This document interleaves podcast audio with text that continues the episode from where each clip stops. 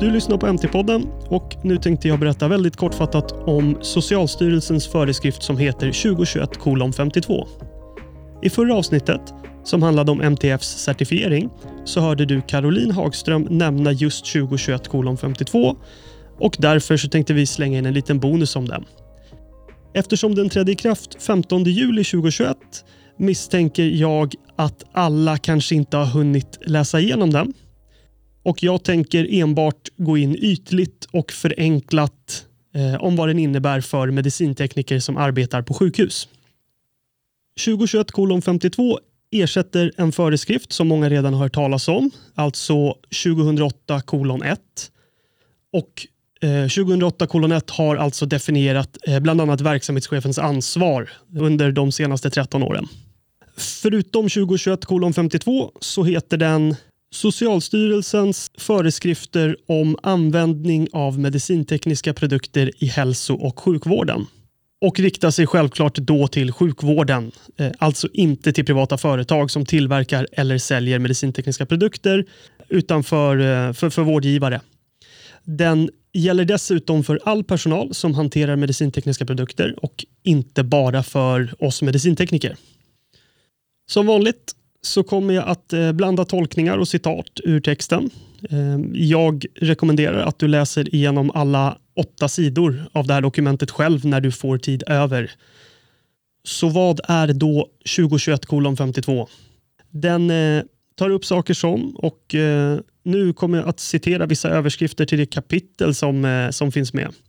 Ledningssystem, kompetens och arbetsuppgifter, behörighet att förskriva vissa förbrukningsartiklar, negativa händelser och tillbud med medicintekniska produkter och kompletterande bestämmelser till EUs förordning om medicintekniska produkter.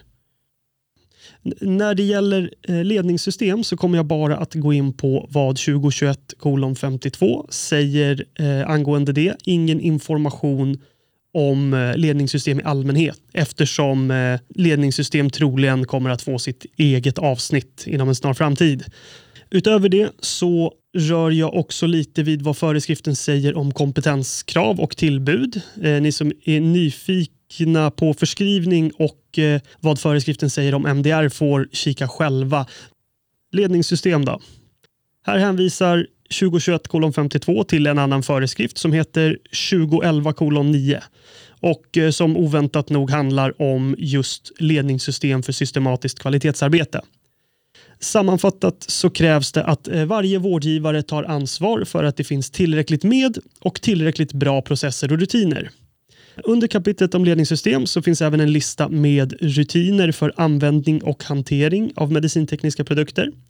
Listan har sju punkter, men jag kommer enbart att nämna ett par utvalda av dessa sju som jag har bedömt kan vara bra eh, för dig att ha i åtanke när du utför ditt viktiga jobb som medicintekniker på ett sjukhus. Varje vårdgivare ska alltså fastställa rutiner för eh, användning och hantering av medicintekniska produkter. Och genom dessa rutiner ska vårdgivaren säkerställa bland annat följande. Att verksamheten organiseras på ett säkert sätt vid användning av medicintekniska produkter. Att endast säkra och ändamålsenliga medicintekniska produkter används på patienter.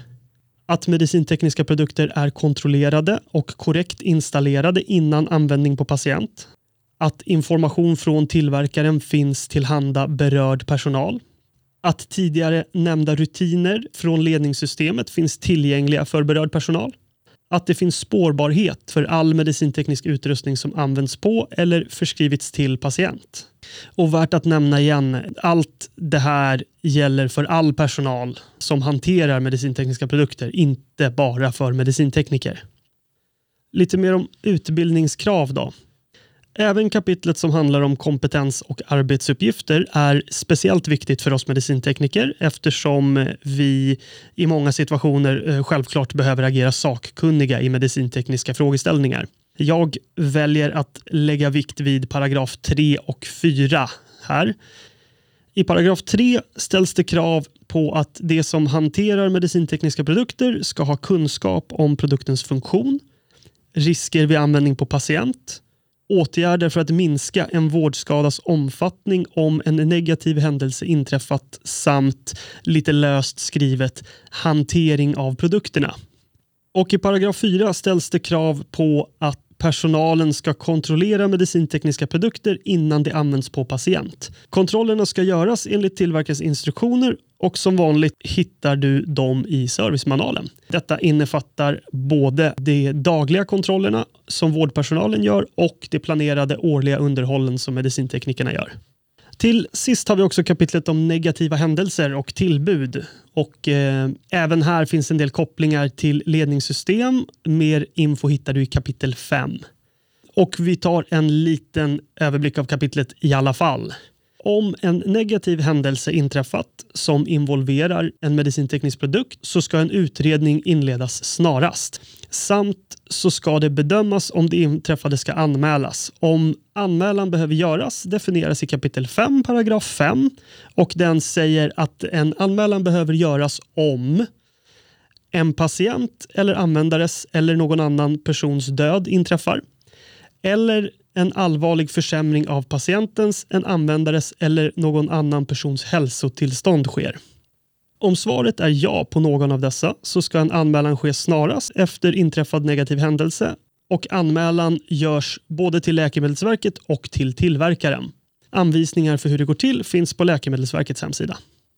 Där känner jag mig färdig för den här gången. Eh, och en kort recap bara. Du har fått veta några enligt mig viktiga punkter från eh, 2021 52 om vad vårdgivaren ansvarar för och det här ifrån en medicinteknikers perspektiv. Om du har frågor eller funderingar, som alltid, mejla till nyfiken mtpodden.se. Podden görs i samarbete med Lars Karlsson och Svensk Medicinteknisk Förening. Tack och hej!